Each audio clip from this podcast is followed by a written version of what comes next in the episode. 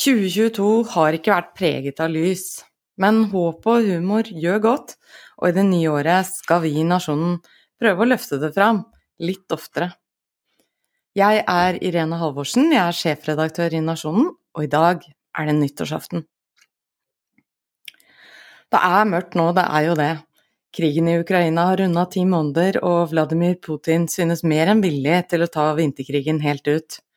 Folk flykter fra livet fra Europas kornkammer. Krigen påvirker også nasjonens samfunnsoppdrag, og fotojournalist Siri Juel Rasmussen er blant dem som har dokumentert flukten. Det ga sterke inntrykk. Frykt, usikkerhet, sykdom og søvnmangel. Alle sider av livet spiller seg ut etter et krigsutbrudd. Selv var jeg tilfeldigvis innom Flå, nederst i Hallingdal, da de fikk storinnrykk og nå har bygda med bare 1000 innbyggere tatt imot hele 200 flyktninger. Det er imponerende å se hvordan folk har åpna hjerter og hjem. Prisene på mat, strøm og drivstoff og andre nødvendige varer og tjenester har økt eksplosivt etter krigsutbruddet. Teppet av trygghet som vi alle har stått på, er brått revet bort under oss. Og det etter at vi bleka menneskevare var kommet ut av koronapandemien.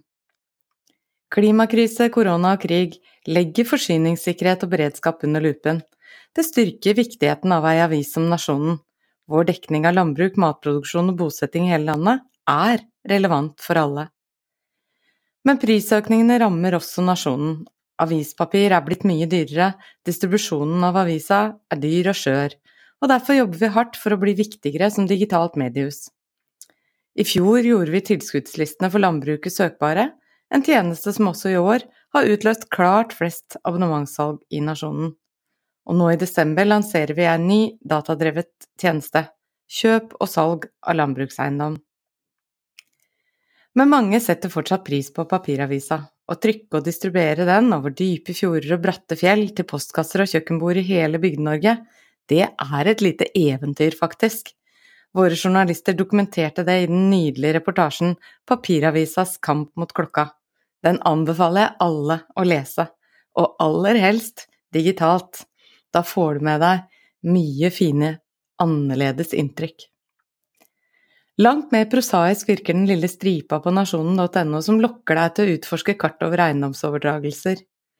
Men dette er ei lita gullgruve av informasjon for dere lesere og en tipsbase som gjør nasjonen i stand til å konkurrere i nyhetskampen.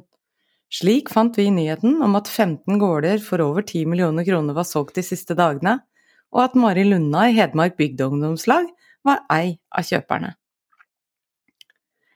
Datadrevet journalistikk er i kraftig vekst. Også robotjournalistikk og bruk av kunstig intelligens kommer for fullt i mediene.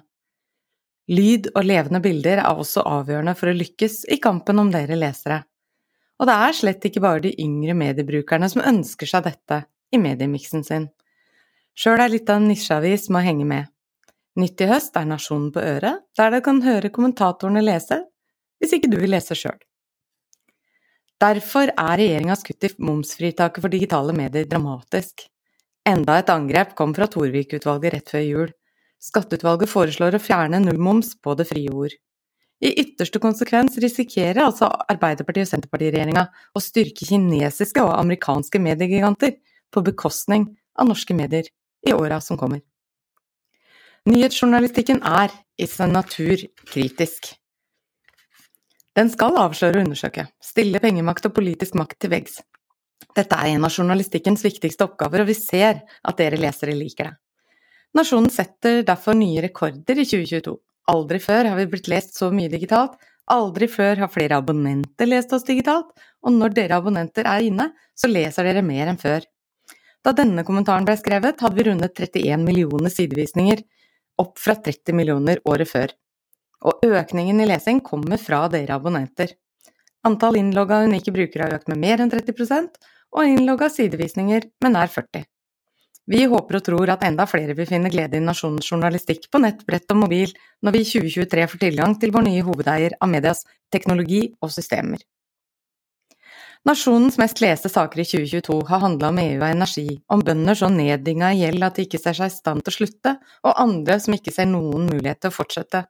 Det har handla om matmakt og matkasting, og selvsagt om hvordan det nå egentlig går med Sp og Ap i regjering. Vi har trofaste lesere, og noen av dere sender oss jevnlig e-post med tydelig beskjed om hva dere forventer å få. Likevel, det kan jo bli litt mye, og til vår glede ser vi at Pur glede, som sprellene til Farmen-Kåre, er helt på topp over lista over de mest leste sakene i 2022. En håpefull nyhet om at fjellreven er på vei tilbake, ble godt mottatt, og klassiske næringslivsnyheter, nyhetsreportasjer om folk som setter spor, og utenriksreportasjer fra så vel Sverige som Sveits, er også saker som dere lesere liker.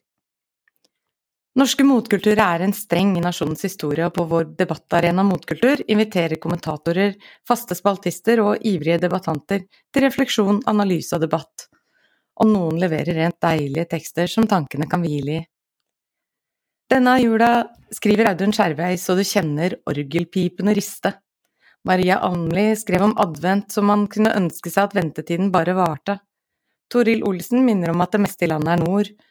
Åsmund Nordstoga skriver ettertenksomt fra fjøstrappa, og Ellen Fauske Blenes om sorgen over det som var, og håpet om det som kan bli. Erling Kjekstad minner Senterpartiet på hvor de kommer fra, og Kari Gåsvatn minner oss alle om hvor vi kommer fra. Og så sjølve grunnmuren entusiastiske, idérike ansatte. De jobber hardt hver eneste dag for at du skal få mer å lese, glede deg over, bli forundra, provosert eller overraska over. Dette var dagens kommentar i Nasjonen. Tusen takk for at du leser oss, og godt nytt år!